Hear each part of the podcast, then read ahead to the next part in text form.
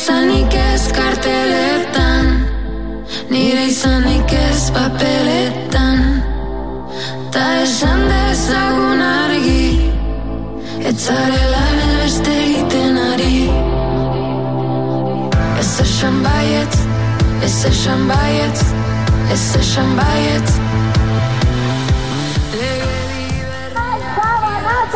Otasuna Feminismo Mobilizazio arrakastatxoak zinez, oiden moduan atzokoan martxoaren sortzian ikusi genituenak Euskal Herriko hiriburu guztietan, bai goize zen arraitxaldez egindako manifestazio horietan, zaintza eskubidea erdigunean eh, jarrita bizitza duinak eskuratzearen bidean. Gogoratuko dugu mugarri izaten dela askotan martxoaren sortzia, baina mugarri berri bat ere jarri duela, edo norabide berri bat behintzait badi Euskal Herriko mugimendu feministak, greba feminista orokorrerantz prozesu abiatuko dutelako, denon bizitzak erdigunean izeneko prozesua da abiatu dutena, herri mugimenduekin eta eragile sozio sindikalekin aliantzak eta proposamenak bateratzeko. Honen inguruan hitz egingo dugu datozen minutuetan, naia torrealdai, bilgune feministako kidearekin, egun naia? Kaixo egunon. Bueno, lehenik eta behin, nola baloratzen duzu atzoko eguna?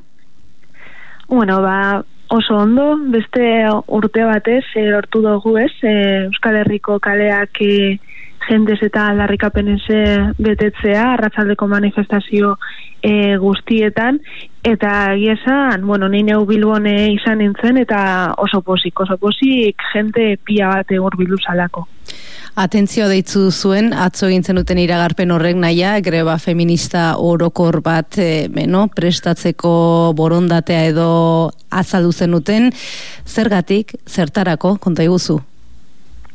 Bai, atzoko gure inflexio puntua hori izan zan e, bebai, ez? E, goizean e, anuntziatu denun prentza batean, baina arratzaldeko manifestazioetan e, bebai e, esan egin zan, ez? E, herrietako mogimendu feministetatik, badugula beste ambizio bat, beste erronka bat, eta dela e, greba feminista orokor baterantza indarrak e, metatzea, ez? Azken finean guretzako martxoaren sortzietan gura aldarrekapenak mai gainean jartzea garrantzitsua da, baina baita ere mugimendu feministatik hainbat prozesu norabidetzea eta, eta egun horretan e, e, metatzen den indar guzti hori katalizatzea ere importantea da, ez?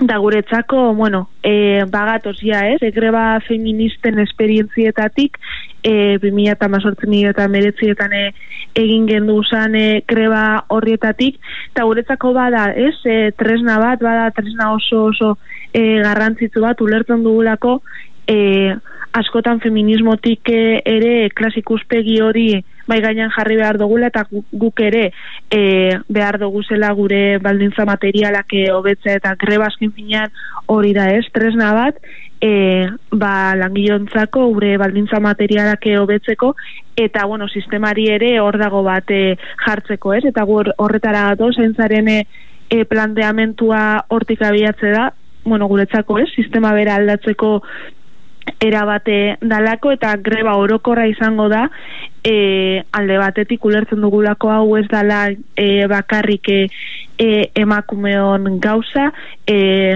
hau badela ez, emakumeon esplotazioan e, e, incidentzia asko duen e, afera bat, baina beste alde batetik jendarte osoa zeharkatzen e, duen zerbait dela zaintzena ez, baina ulertzen dugu feminista izan behar dela horregaitik, ba, paradigma da oinarria e, feminismotik abiatzen delako eta mugimendu feministatik urtatan dalako proposamena, baina noski gure ambizioa bai bada eta geurtik ez e, ja lanean hasten gara beste eragile sozio-sindikal guztiekin e, proposamenak bateratzeko mugimendu feminista ez delako bakarra hildo honetan lanean erabilena, ez? E, badaude sindi, e, sektore sindikal pila bat eta emakume pila bat borrokan e, beraien konbenioak e, lortzeko eta hobetzeko, baina badaude ez, e, emakume pensionistak, badaude ere ez, e, familiak e, e, ba, bueno, beste zaintza eredu bat e, eskatzen eta guzti hori e, momentu honetan ez, e, pizka bat atomizatua dauzen proposamen guzti horrei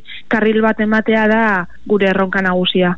Interesa piztu du zinez, balizko greba horren e, iragarpenak edo, ez dakit, dataren bat edo markatu daiteken?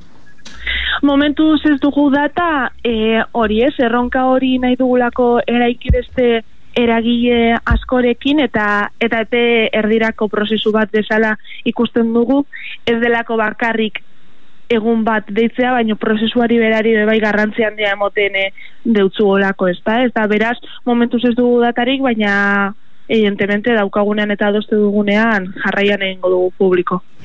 Izango gara informazio horrentzai, baina esan duzu, e, prozesuari ere garrantzia ematen dio zuela noski, prozesu partekatu bat iragarri duzue, borroka feminista artikulatzeko e, naia ere agertu duzue, zein da apur bat asmoa zentzu honetan, apur bat gehiago sakonduz?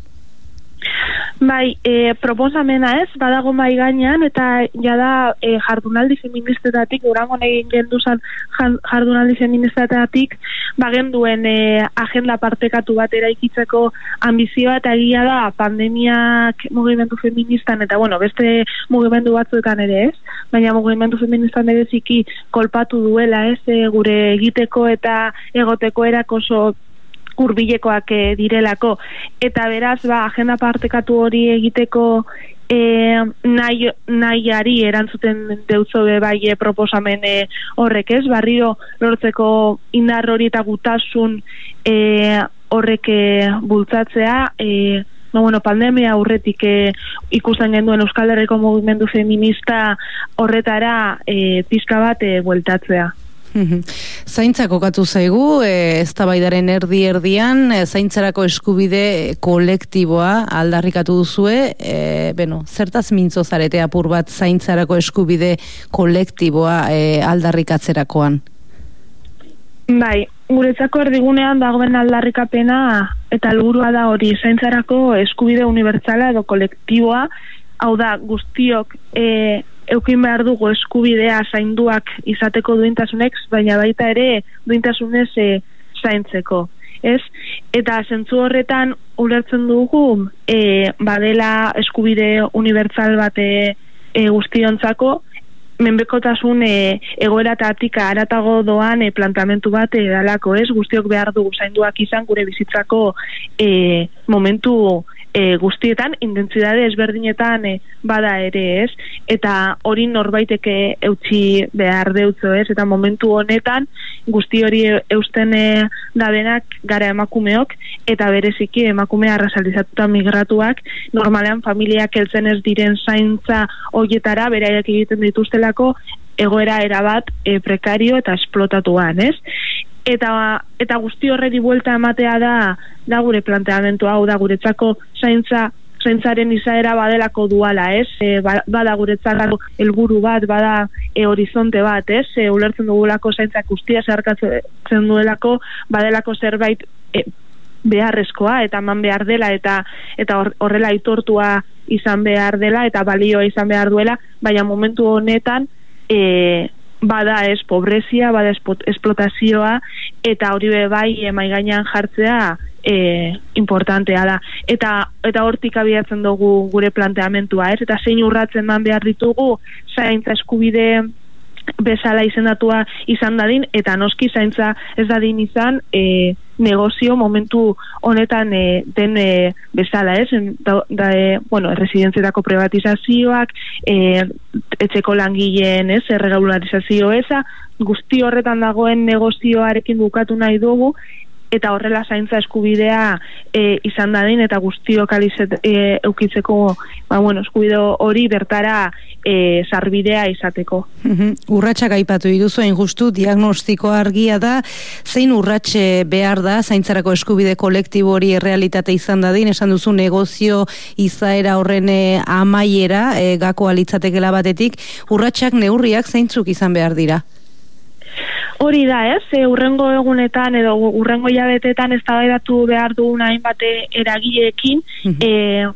Zaintza badelako ez, e, bueno, dena zeharkatzen duen e, momentuan ertz asko ditu eta oso momentu honetan oso era komplejoan e, maneiatzen da, ez bakarrik e, arlo komunitarioan edo jendartean oso pribatuan emoten dan zerbait delako e, familietan e, hori ez, oso familiarizatuak eta feminizatuak daudelako, baina baita ere arlo e, instituzionalean eta eta arlo ekonomikoan ere oso komplejoa da eh zando da moduan eh dauselako azpikontrata asko eskumenak e, direlako oso komplejoak eta e, organo ezberdinek maneiatzen dituztelako eta batez ere e, oso invisibilizatuak eta e, ez direlako askotan egoten e, erregulatuak inon ere ez. Beraz, e, de, bueno, deko golako erradiografia handi bat eta horreri heltzea da gure helburua beste eragileekin e, batera. Alandabe guretzako ez e, baditugu urgentzia batzuk eta gauza batzuk oso argi eta eta bueno, negozia, negozioa izan ez dadin, guretzako argi dago, subkontratetik amaitu behar dugula, etxezetzeko laguntzari buelta bate eman behar zaiola, e, etxeko langile guztiak erregularizatu behar direla, eta euren konbenioa, e, e, konbenio bate e, behar de dutela. Eta hor dugu ez e, atzerritartasune legearen e, afera e, atzoko mobilizazio guztietan ez? E, aldarrikatu zen atzerritartasun legearekin bukatu behar dela. Azken finean honek guztia baldintzatzen e, duelako benetan e, ba bueno lege honek e, e, emakume hauek e, kriminalizatzen eta prekarizatzen dituztelako. Hala ere, e, badakigu eta konstiente gara momentu honetan e, Euskal eta Nafar gobernuetan ez dutela eskumenik honi eltzeko, baina badaude, ez, urratxak emateko eta badago zeregina, bai e, diputazioetik, bai udaletatik, bai gobernuetatik, eta eta hori mai gainean jartzea eta ulertaraztea instituzioei hau jala ez dala, ez, e, promesa e, faltsuak egiteko gunea ez dala eiz politak bakarri jartzeko gunea, baino benetan e, e, aldaketa objektiboak e, erakusteko unea e, eta horretara goaz. Beno, dagoeneko beraz, e, identifikatuak baita ere, hainbat lan hildo eta urratxan honeman behar diren, baina diozun moduan orain e, hausnarketa prozesu batean ere horri begira jarriko zarete. Izango dugu zuen berri, e, berandu baino lehen ziur, nahi atorre aldai, bilgune feministak ordezkari eskarrik asko martxoaren sortziaren biharramunean, naiz zirratiaren deiari, erantzuteagatik. Zuei, eskarrik asko. Woke up early this morning.